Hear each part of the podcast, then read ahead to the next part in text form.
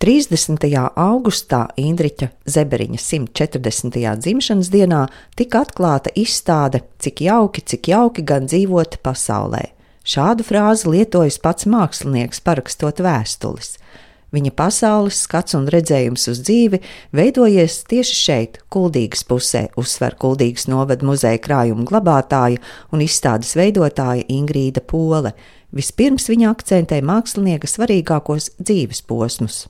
Audzis ir Snēpels pagasta, sprints saldenieku zemnieku saimniecībā, diezgan kuplā ģimenē, bet bijis jaunākais bērns. Un savu to pasaules skatu, redzējumu, nu, arī viņš tur ir veidojis. Un kā viņš pats raksta savā atmiņā, mūsu mājas bija piekalnē. Te varēja redzēt snēpeles, vārmes un kabils baznīcas. Pāri birstalām, māju puduriem un laukiem varēja redzēt Ventas ielēju. Saulrietā kabils baznīcas tornis uz paša horizonta atgādināja bāku uz jūras.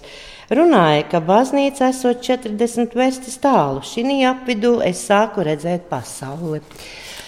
Un izglītību viņš uzsāka Grīķu kalmojuši pagastu skolā, Kuldīgā viņam ir jānāk liels gabals ar kājām, sniegotā laikā, mm, lietu vai saulē. Viņam jānāk ir uz skolu Kuldīgā. Skola saucās Grīķu Kalnojuša pagasts skola. Starp citu, mm, tagad šī skola ir ieguvusi zeberiņu vārdu Kuldīgā. Un eh, te arī viņš iegūst pamat izglītību, un viņa ceļš ved uz liepāju. Kādu laiku Indriķis strādā fotodarbnīcā, brīvajos brīžos mēģina zīmēt dabā. Ieskicējot Rīgas posmu, Ingrīda Pole sāk ar interesantu sakritību.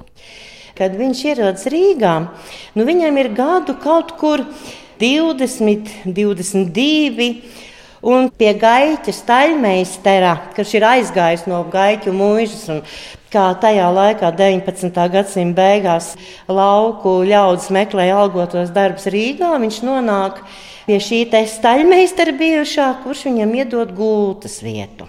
Un tur ir meitene, sešu mēnešu veca, kura ir vēlāk Zeberiņa pirmā sieva.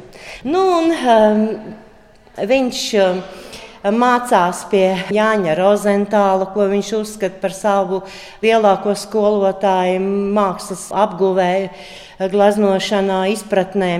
Viņš 1925. gadā beidza Latvijas Mākslas akadēmijas figurālās glezniecības meistaru darbnīcu Jāņa Roberta Tilberga vadībā. Un uh, viņš ir arī Pēterburgā mācījies. Viņa mūžs ir bijis gan raips, jo viņš ir pārdzīvojis revolūciju, divi pasaules kari. Pirmā pasaules kara laikā viņu iesauca armijā arī asā skatiena dēļ. Viņš jau āgri pievēršas arī tādai politiskai karikatūrai. Viņš ir glezniecību mācījies vairāk, bet um, kā viņš pats uzskata, kad uh, grafikā Un tieši grāmatu ilustrācijās viņš ir daudz pazīstamāks latviešu lasītājiem, skatītājiem, mākslas baudītājiem, ka viņš ar to ir iegājis tādā tā kā nu, latviešu mākslas vēsturē tieši ar tām grafikām. Kuldīgas novada muzejs uz Indriķa Zeberiņa lielākām jubilejām ikreiz no sava krājuma rāda materiālus plašākai publikai. Šoreiz ekspozīcijā dominē grāmatu ilustrācijas un paša Zeberiņa atbildžu fragmenti uz kādas anketas jautājumiem.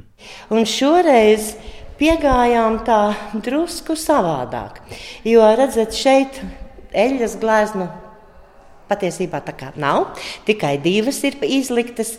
Bet eh, vai nu jauši vai nejauši bija aizbraukusi uz Latvijas Mākslas akadēmiju Un tur informācijas centrā ar mākslas zinātnieci Ingrīdas eh, Burānas labvēlību man iedeva materiālus, tādas kastītes, kur glabājās Ingrīdas Zeberiņa materiāli, nu, dažne dažādākie, un tur starp tiem bija grāmatas.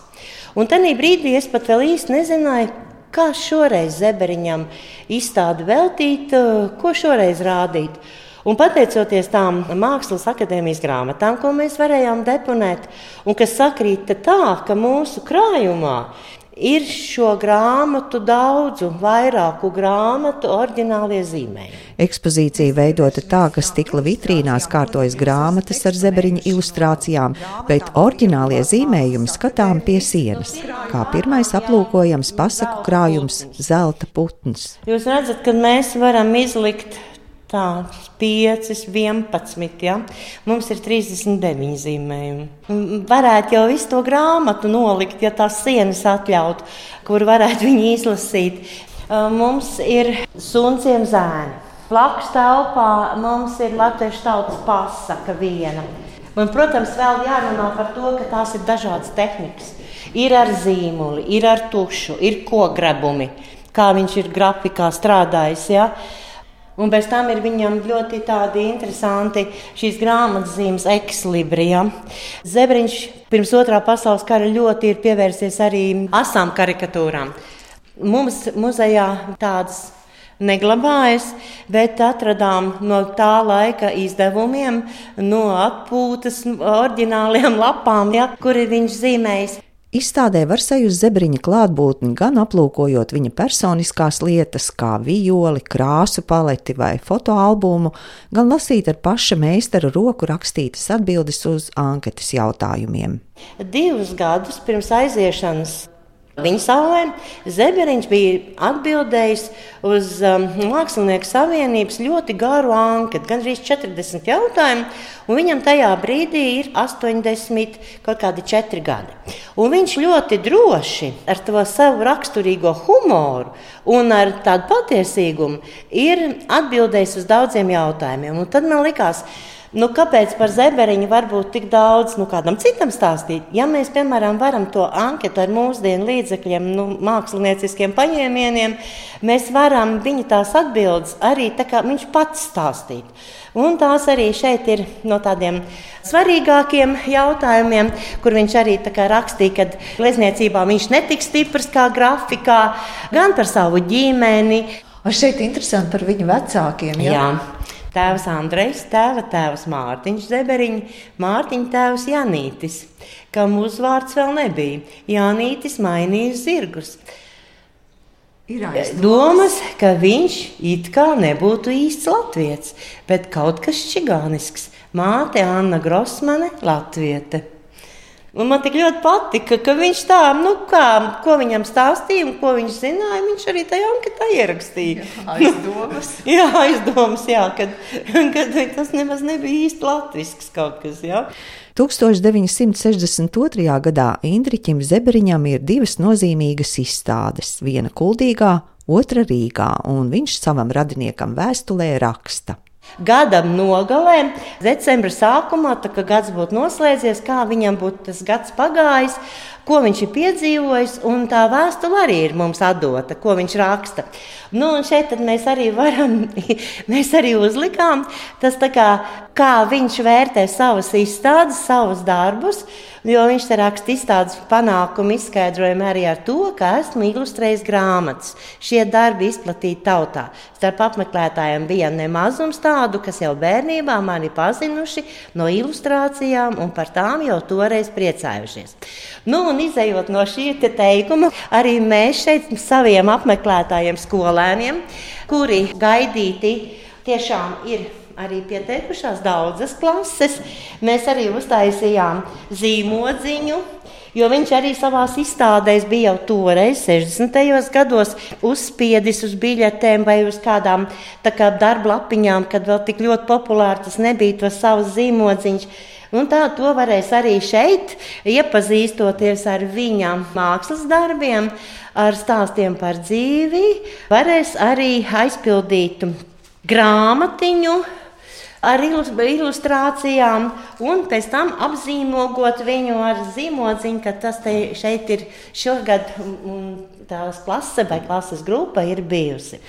Zeberiņam bija trīs bērni, divi dēli un meita. Dēls Modris Zeberiņš kopā ar dzīves biedri sarakstījis grāmatu veltītu tēvam. Tajā aprakstījis notikumus, ko savulaik stāstījis tēvs.